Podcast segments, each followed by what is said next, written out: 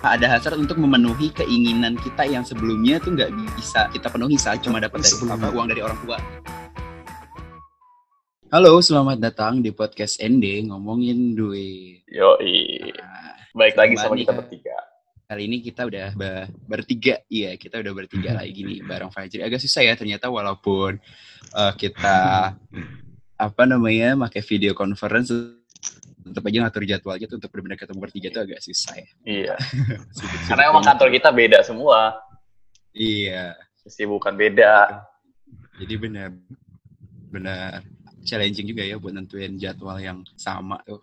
Nah, hari ini kita bakal karena kita uh, tema podcast kita itu tentang ngomongin duit nih. Nah, kayaknya hari ini itu kita bakal bahas tentang pengalaman seputar gaji pertama atau penghasilan pertama dari penghasilan kita ini masing-masing.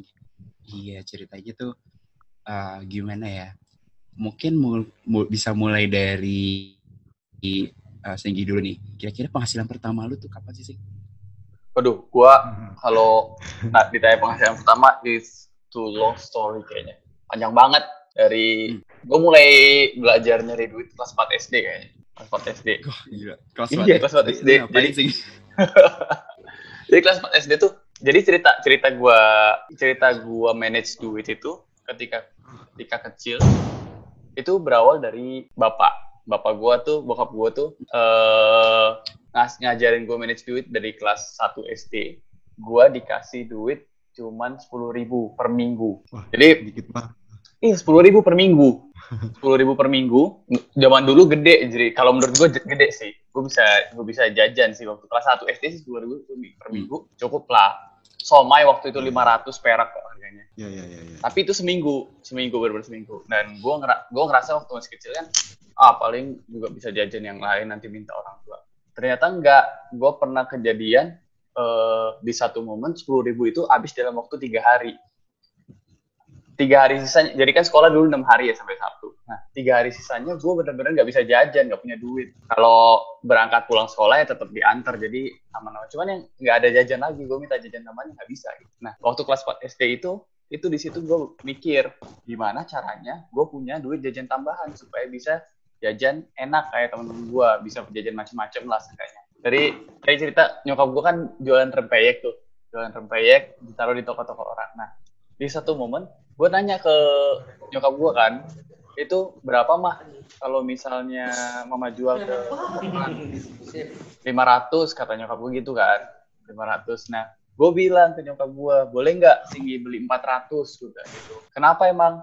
Nanti mau Singgi jual di sekolah kata nyokap gue gitu. terus terus nyokap gue bilang ya udah bawa aja dulu bayarnya nanti gue bilang nyokap gue kayak gitu. Nah terus akhirnya gue bawa satu toples tuh ke sekolah bawa satu toples ketika gue bawa satu toples kan dilihat guru gue tuh aneh. Ada anak kelas 4 SD bawa toples toples kayak gitu ke sekolah.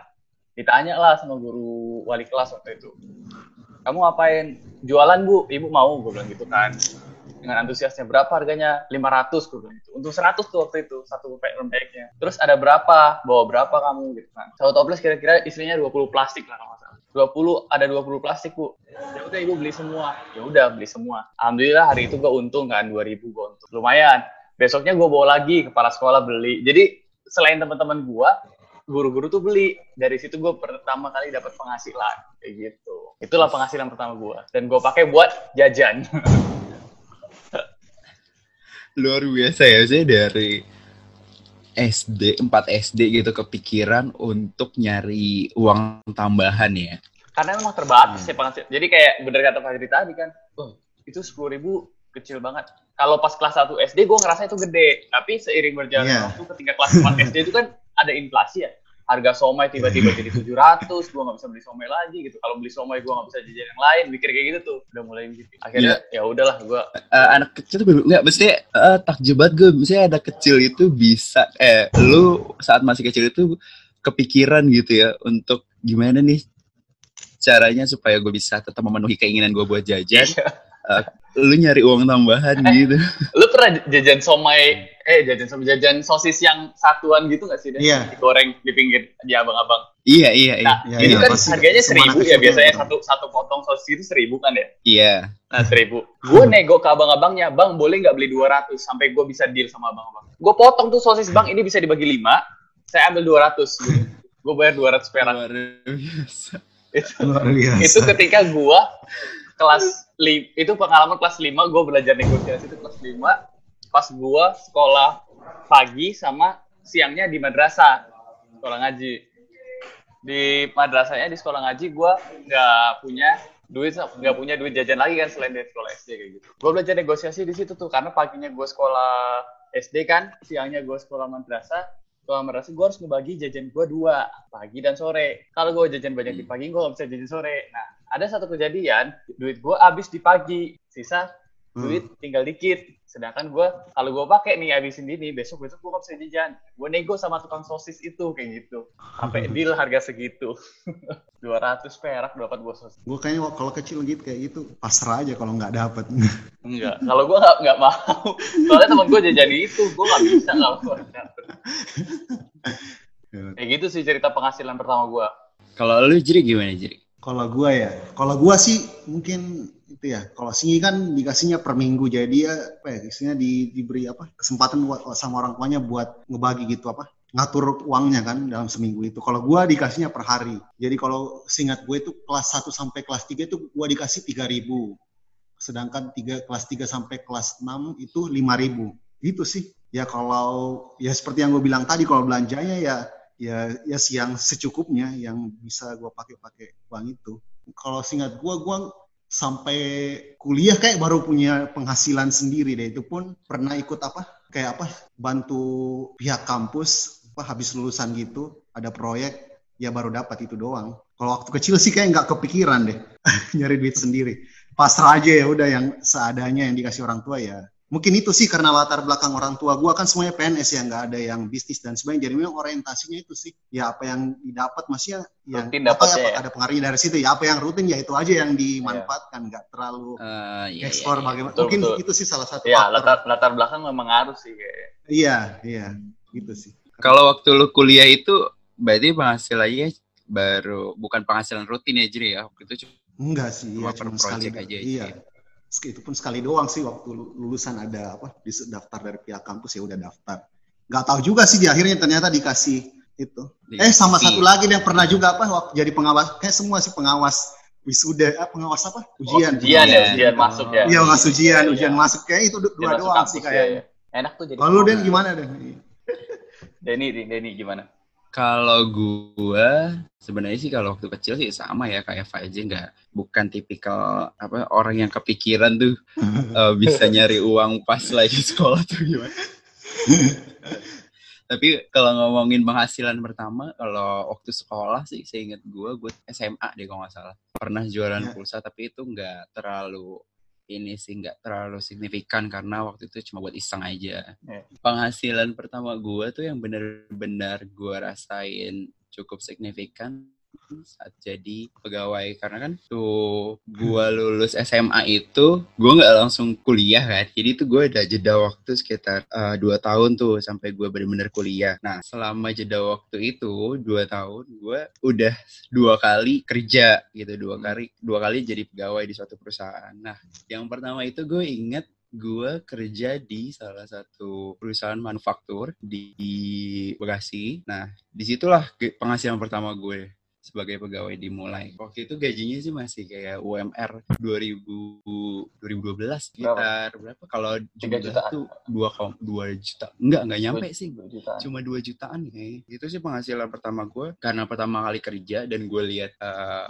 kakak-kakak gue yang sebelumnya kalau kerja tuh ngasih orang tua gitu. Jadi Mm. gaji pertama gue full tuh gue kasih ke orang tua semua. Jadi nggak kepikiran untuk beli macem-macem sih. Weh, keren keren mantap mantap mantap gue mah gaji pertama bener-bener buat jajan Iya, gua gua gaji pertama.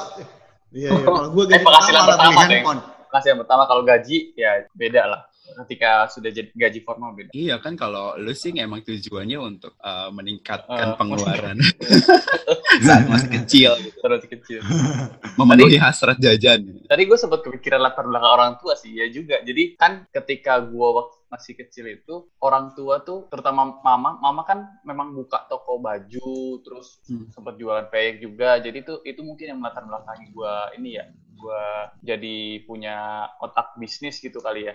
Ya mungkin. mungkin. Jadi Ya. udah ini ya terbiasa Terpapar. apalagi ngelihat ngelihat caranya gitu kan sama bapak juga kan bokap jadi bokap gue tuh PNS baru ketika gua umur sekitar empat tahun kalau nggak salah jadi bokap memang PNS tapi sebelum PNS jadi pas gua masih kecil bokap juga usaha dari tukang tahu terus sales dan semacamnya jadi gua ya mungkin terbentuknya di Hmm. situ kali Iya, iya. Nih. gitu Nah, kalau misalnya kita lihat perjalanan dari kita masing-masing kan udah berapa tahun nih? Kalau gue sendiri ya dari pekerja uh, penghasilan pertama gue yang benar-benar rutin terus sampai sekarang uh, jadi pegawai juga itu udah dari gue berarti 2011 eh 2012 awal. Terus sekarang 2020 berarti udah 8 tahun nih. Pasti kan uh, kita, dari kita semua nih udah ada peningkatan ya dari segi pendapatan semuanya. Kalau ngomongin soal peningkatan pendapatan kita tentu eh, apa nggak bisa lepas dari peningkatan pengeluaran. betul Biasanya ya kan? Hmm, iya. Biasanya tuh kalau misalnya gaji kita naik sedikit aja, misalkan gaji kita eh, naik tiga ratus ribu katakanlah, itu itu juga bisa mempengaruhi eh, mindset berpikir kita saat kita melakukan belanja ya sing ya, saat kita melakukan pengeluaran rutin Hmm. bulanan gitu, ngaruh banget walaupun nggak terlalu signifikan naiknya. Nah, gimana nih kalau misalnya dari eh, kalian saat eh, penghasilan naik tuh gimana caranya kita mempertahankan eh, pengeluaran kita tuh agar tetap sama gitu seperti sebelumnya gitu. Jadi jangan sampai peningkatan pendapatan juga dibarengi dengan peningkatan gaya hidup. Fajri dulu deh gimana Fajri Ini ya kalau cerita mulai dari gaji yang maksudnya yang sudah stable ya, maksudnya sejak jadi pegawai sih, jujur awalnya juga sempat, iya, awalnya juga sempat kena apa isinya sindrom Orang kaya penghasilan yang lumayan nih orang kaya baru, padahal sebenarnya nggak kaya juga sebenarnya, biasa aja tapi ya gitu sebenarnya. Apalagi kita ngeliat medsos apa, ada tren apa, jadi sempat ya beli pakaian, sepatu dan sebagainya. Sempat sih, sempat setahun lah, sempat ke bawah juga. Tapi setelah dipikir, wah ternyata setelah dia dihitung-hitung selama setahun cukup besar juga ternyata pengeluarannya. Nah ini sih sekarang dalam tahap belajar lagi sih kembali belajar. Ya saya juga lagi belajar sih gimana untuk istilahnya walaupun penghasilan naik, tet- apa istilahnya tetap sederhana lah. Tetap berusaha belajar juga.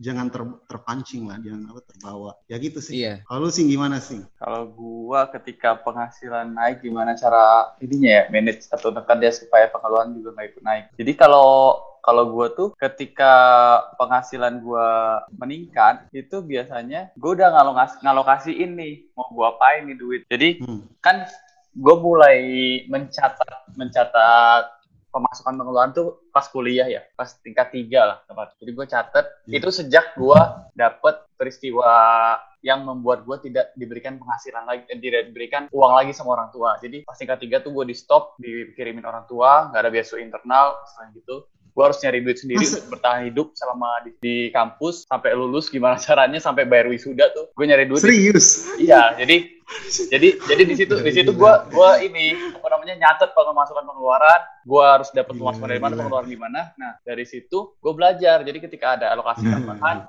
gua harus geser ini ke mana karena gua harus bertahan hidup beberapa bulan lagi dan itu terbiasa sih sampai sekarang. Jadi ketika penghasilan meningkat, kayaknya minggu kemarin gua sempat ngobrol sama Denny deh waktu ngobrolin podcast eh, terkait pernikahan. Jadi ketika ada duit masuk tuh gue berusaha di rekening gue di bawah 10 juta pengennya. Apa pun gue geser ke rekening yang lain yang gue susah aksesnya. Misal rekening yang nggak ada internet bankingnya di gue atau gue Oh, geser ke iya, iya, iya. kayak gitu. Supaya gue ngelihat ah duit gue masih di Iya, bawah iya. 10 juta duit gue masih di 10, bawah 10 juta. Gue nggak pengen ngelihat nominal yang gede Hmm. padahal memang kita punya yang gede tapi jangan ke situ gitu sih. Itu supaya menahan gue untuk belanja. Dan gue membiasakan ketika lagi pengen sesuatu gue mikir gue butuh banget gak sih? Jadi kalau misalnya gue udah pengen sesuatu terus selama dua minggu atau tiga minggu gue masih kepikiran hal itu oke waktunya gue beli karena gue memang kayaknya butuh itu tapi kalau nggak butuh Hmm. banget nggak gue beli kayak gitu sih kalau gue kayak gitu tapi memang Iya. kalau beli nggak salah sih kalau menurut gue kalau mau belanja apa pun Iya. nggak ada salah selama itu memang bermanfaat dan bikin kita happy gitu Iya, iya. iya. tapi kalau cuman cuman sekedar buang-buang tanpa meningkatkan value dan happiness kita ya percuma sih kalau kalau versi gue ya. Iya, iya. Kalau Denny gimana? Setuju, setuju. Iya, kalau misalnya pengalaman gua itu waktu mendapatkan adanya peningkatan penghasilan, bener kayak kata Faji tadi, sebenarnya kayaknya itu normal ya. Saya dari uh, kita biasa dapat berapa, terus tiba-tiba naik jadi berapa, atau misalnya yang tadinya belum kerja, terus kerja Iya, dapat iya. penghasilan, pasti ada uh, hasrat untuk mem- uh, uh, ada hasrat untuk memenuhi keinginan kita yang sebelumnya tuh nggak bisa kita penuhi saat Kita cuma dapat dari sebelumnya. apa uang dari orang tua gitu ya kan? Iya. Ya nggak sih? Nah, Iya, tapi iya. kan gue juga apa ya ngalamin hal itu juga gitu. Cuma eh, balik lagi nih kita ya tadi kata Fajri itu menurut gue valid gitu. Kita nggak masalah gitu kayak gitu. Tapi kita harus benar-benar nanti suatu saat sampai titik tertentu tuh kita bakal sadar gitu. Kalau misalnya oh iya ya eh, gaji gue tuh segini terus kalau misalnya gue terus-terusan eh, melakukan apa sih misalnya mengeluarkan yang jumlahnya sekian ternyata nggak bermanfaat juga gitu. Iya. Karena kayaknya gue pernah ada di fase itu ketika Hmm. masih kuliah awal-awal tingkat satu tingkat dua Hmm. kan jadi dulu Kulit. tingkat satu tingkat dua itu kan orang tua biasa ngebajetin gue kan tiap bulan. Kamu Hmm. kalau Hmm. pas SMA kuliah tuh gue dibajetin tiap bulan dikirimin segini. Iya. itulah untuk buku kosan terus biaya-biaya pulsa dan semacamnya sama makan. Gue ngerasa duit itu gede ketika tingkat satu tingkat dua. Jadi setiap bulan habis setiap bulan habis Hmm. setiap bulan habis. Tingkat tiga ketika orang tua gue bilang maaf maaf sama bapak nggak bisa ngirimin lagi ya. Oh gue kagetnya setengah mati tuh. Terus gimana nih? Terus ditanya punya masih punya duit? Terus gue ya cuman bilang masih gitu karena gue masih punya duit sekitar 500 ribuan di rekening. Ya gue bilang masih aja. Tapi dari situ gue baru belajar tuh. Gue nggak punya duit lagi nanti buat beberapa bulan ke depan nggak bisa hidup dengan gaya hidup yang sama maka gue harus membiasakan itu gitu. Jadi memang gue sempat ada di fase ya gue juga belanja foya-foya gitu. Tingkat satu tingkat dua tuh gue ngerasain itu. Ini agak kebalikan nih dari kita Ijri ya. Iya, iya. kalau kita mungkin waktu kuliah penghasilannya tuh eh, dari uang jajan nggak seberapa ya tapi saat kita Iya. kerja terus dapat penghasilan yang ternyata Iya. jauh Iya. Jauh, lebih jauh tinggi gitu dari saat masih kuliah dari saat Iya. selama kuliah mungkin kalau misalnya kita kita pengen suatu barang tuh tapi kita langsung mikir "Ah, nggak mungkin deh kayaknya kebeli Iya. kalau cuma segini kok Iya. Iya, iya. Pas- Bener. pas udah dapat gaji terus tiba-tiba Iya. kayak langsung mau, mau membeli semua Semua barang yang sebelumnya kita nggak bisa beli ya. nggak bisa beli. Iya, iya. Tapi kayaknya tergantung hobi juga sih ya Den ya. sama Jadi Iya. kalau misal karena gini, kalau misalnya mungkin memang hobi lu eh, Pak Jiri sama Denny di sesuatu barang. Tapi kalau gua kayaknya hobi gua di jalan-jalan, di traveling, terus nonton Iya.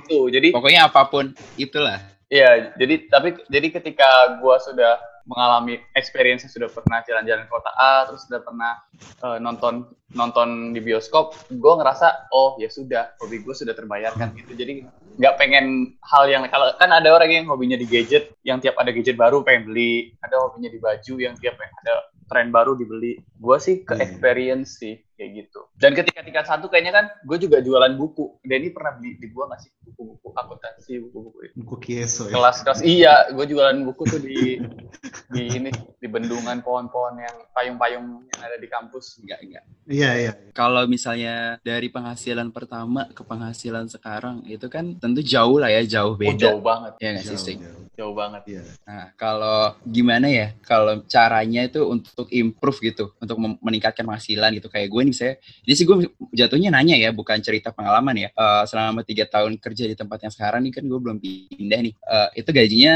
bisa dibilang ada perubahan gitu dari tahun pertama sampai tahun ketiga. Tapi eh, nggak nggak terlalu signifikan lah. Sing mungkin bisa cerita sing kalau misalnya kita kan waktu itu lo pernah bilang nih eh mana cerita juga di episode sebelumnya gitu. Kalau misalnya lo pengen bisa memenuhi eh, apa gaya hidup lo yang sekarang ya lo harus ningkatin pendapatan lo lo punya iya kan? Punya kiat-kiat sendiri nggak? Kan kayaknya di antara kita Iya. bertiga kayaknya lo nih yang paling punya jiwa entrepreneur ya.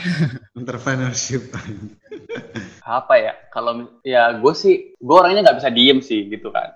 Eh, apa pun pengen gue kreasikan gitu kan. Ya lu berdua kenal gue lah dari pas kuliah kan. Kayak gimana orangnya nggak bisa nggak bisa diem sama sekali. Jadi siap. Siap, siap. gue gue kayak kayak kayak nggak bisa nggak bisa ada di titik yang sama terus gitu. Jadi ketika gue ketika gue kemarin minggu lalu gue cerita pengalaman tentang gimana nabung buat nikah tuh sama Denny. Sampai gue ada tiga sumber penghasilan yang di gue jualan kebab gue kantor dengan gaji formal sama satu lagi gue ngisi ngisi seminar dan workshop di setiap minggu. Bahkan ketika ketika masa seperti ini pandemi ini gue tuh ngelihat peluang dan apa sih Oh, yang iya? bisa gue apa nih yang bisa gue manfaatin gitu kan apa nih yang bisa gue gua kejar gitu kan apa yang bisa gue pelajari jadi memang ketika pengen sesuatu yang baru ilmu yang baru atau cara dapetin materi yang baru gue kadang orangnya nggak tanggung-tanggung buat invest. Kemarin gue ngikut seminar online habis sekitar 500 ribuan buat belajar caranya gimana membangun bisnis kuliner. Dan sekarang gue lagi mulai menjalankan itu. Insya Allah bulan depan grand launching eh, outletnya di Cikarang kayak gitu. Oh, jadi Langsung. Jadi gue bener-bener biasa. nggak bisa nggak bisa diem. Jadi tak kan karena udah terbiasa dengan metode gua harus di rekening di bawah 10 juta. Jadi rekening gua sekarang yang gue punya pribadi ya atas nama gue pribadi itu ada 4 plus satu rekening keluarga. Jadi lima rekening atas nama gue tapi satu rekening tabungan bersama sama istri gue. Terus satu rekening gaji dari kantor. Tiga ini rekening-rekening yang gue sisi-sisikan. Nah dari kebutuhan-kebutuhan yang gue pengen. Nah tiga rekening yang gue sisi-sisikan ini, ini kan jarang gue lihat sebenarnya. Pas satu momen gue lihat, oh udah cukup lumayan nih. Terus gue bisa apain ya? Selalu gue mikir kayak gitu. Gue bisa apain ya? Gue modal puter ke mana ya? Either setiap rekening itu ya mungkin nggak nggak ada yang di atas 10 juta sih. Cuman kan kalau digabung jumlahnya sudah banyak kan rekening-rekening itu. Nah, gue putar Iya. ke mana ya? Gue gue bisa belajar apa ya? Entah gue belajar bikin website kah? Entah gue belajar eh, jualan retail lah, atau gue belajar buka warung lah kayak gitu-gitu yang gue pelajarin. Kemarin selama masa pandemi ini gue cari peluang. Akhirnya kenapa gue mutusin kuliner tuh? Karena gue mau ngincer kuliner yang mulai delivery delivery itu kenceng. Dan orang nggak berhenti Hmm. makan kan? Gitu. Di- di mana pun Iya. orang nggak akan berhenti makan. Makanya gue cari peluang itu gue coba kayak gitu. Nah jiwa itu muncul kayaknya secara alami akan naluri akan muncul ketika memang kita terbiasa sih atau dibentuk Hmm. dari keluarga yang kayak gitu sih. Hmm. keluarga dari nyokap tuh sebagian besar wirausaha nggak nggak nggak PNS Iya, iya. masuk nyokap gua kan Ny- nyokap gua kan sampai sekarang nggak PNS jadi eh, itu terbentuk dengan sendirinya Tapi ya ini sih ya intinya sih bisa gimana caranya nyari memanfaatkan peluang yang ada ya sih ya kayak lu tadi Iya. cerita. Kalau lu ngelihat di masa pandemi ini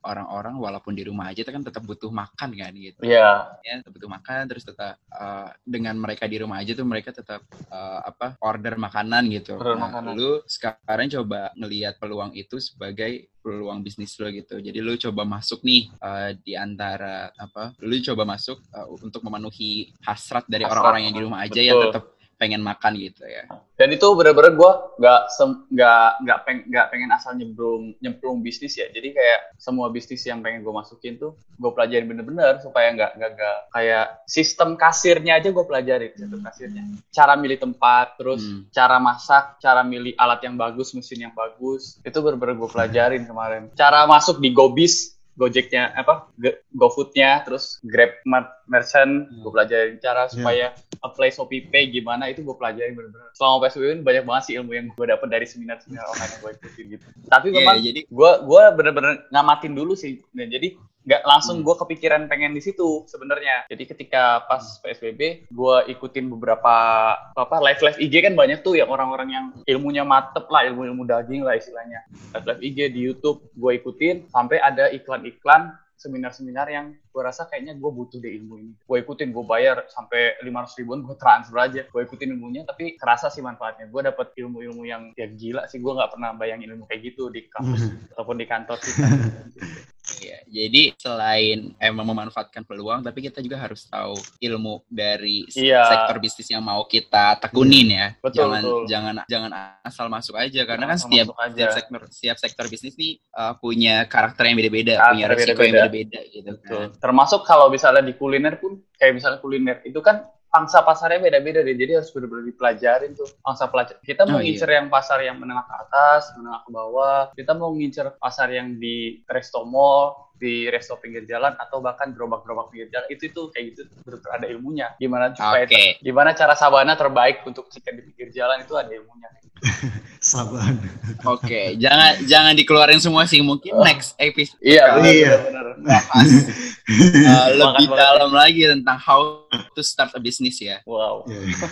balik lagi ke ngomongin penghasilan nih tadi. Penghasilan pertama ke penghasilan sekarang. Nah tadi kan Singgi juga udah ngasih sedikit kiat-kiat gitu. Kalau misalnya pengen bisa tetap apa memenuhi gaya hidup kita Iya. yang meningkat gitu se- seiring berjalannya uh, peningkatan penghasilan itu nggak apa-apa sebenarnya Ya. racing ya selama ada karena itu uh, Dalam fase yang wajar. emang kita pasti alamin dan harusnya Betul. uh, selama itu dalam batas wajar gitu nggak nggak melebihi penghasilan kita sekarang gitu jangan sampai uh, penghasilan kita naik terus uh, pengeluaran kita naik gaya hidup kita naik terus ternyata si gaya hidup itu mendorong kita untuk uh, apa mengeluarkan lebih dari penghasilan yang kita dapat gitu dengan uh, pinjaman apa segala macam nah itu jangan Iya, iya, benar. Kayaknya gue baru kepikiran deh, yang lu bilang kalau seiring dengan meningkatnya penghasilan, gaya hidup jangan sampai meningkat dan sebagainya. Gue baru sadar bahwa kayaknya diri gue memang gaya hidupnya berbisnis, Den. Jadi setiap Hmm. ada penghasilan tambahan, itu pasti gue pikir duitnya gue puterin buat apa lagi ya, kayak gitu sih.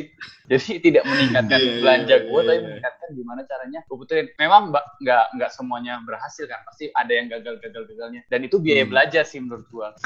Nggak masalah ya jadi Ada masalah. uh, selama apa pengeluaran lo itu lu kan ya tadi lu bilangnya setiap lu dapatkan penghasilan tambahan nah gimana caranya si penghasilan tambahan itu bisa nambah lagi gitu Iya, kan, gue kayak dengan gitu orangnya. Itu kayaknya hobi. cara berbisnis walaupun uh, untuk memulai suatu bisnis itu nggak mudah juga kan tadi lu bilang lu harus Iya, belajar lu banyak. harus riset uh, Gue dari berbagai hal-hal detailnya. Sebelum Ramadan gue riset itu. Nah, terus juga pasti kan namanya bisnis itu juga ada pasang surutnya gitu. Kalau saat kita mulai belajar nggak akan tiba-tiba langsung meledak, langsung booming gitu si Betul. bisnisnya kan kayak gitu. Harus sabar. Biaya-biaya yang tadi mungkin keluar terus eh, ternyata bisnisnya gagal itu bisa kita eh, apa ambil sebagai pelajaran ya sing ya supaya Iya. nanti next bisnis itu kita bisa jauh lebih hati-hati lagi. Iya, mungkin eh, untuk episode kali ini kita sampai sini dulu lah ya. Sampai dulu. Di wrap dulu kali deh di Tentang penghasilan.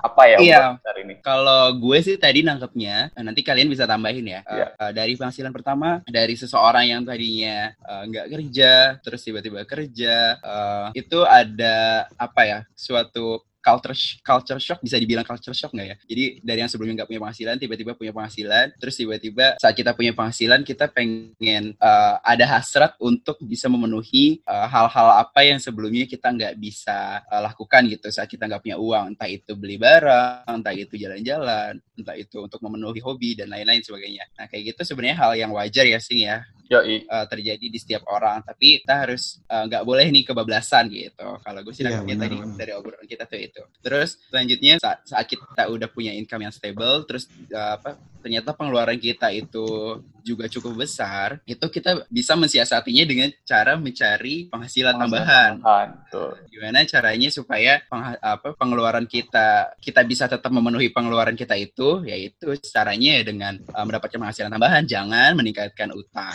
gitu ya sing ya. Yes, betul. Yes, udah udah terangkum semua kayaknya. Oke, gitu. Udah. Kalau gitu, terima kasih nih buat yang sampai saat ini masih eh, mendengarkan dari Semoga episode ada pertama. Ya. Semoga ada manfaatnya Iya. ya tentu benar. dari obrolan-obrolan kita ini. Kalau misalnya mau nanya atau mau kasih eh, masukan saran itu bisa lewat email yang udah kita taruh di description podcastnya atau ke IG kita masing-masing. Itu juga udah kita eh, masukin nih ke deskripsi podcast. Pokoknya terima kasih buat teman-teman semua. Sampai jumpa di episode berikutnya. Bye.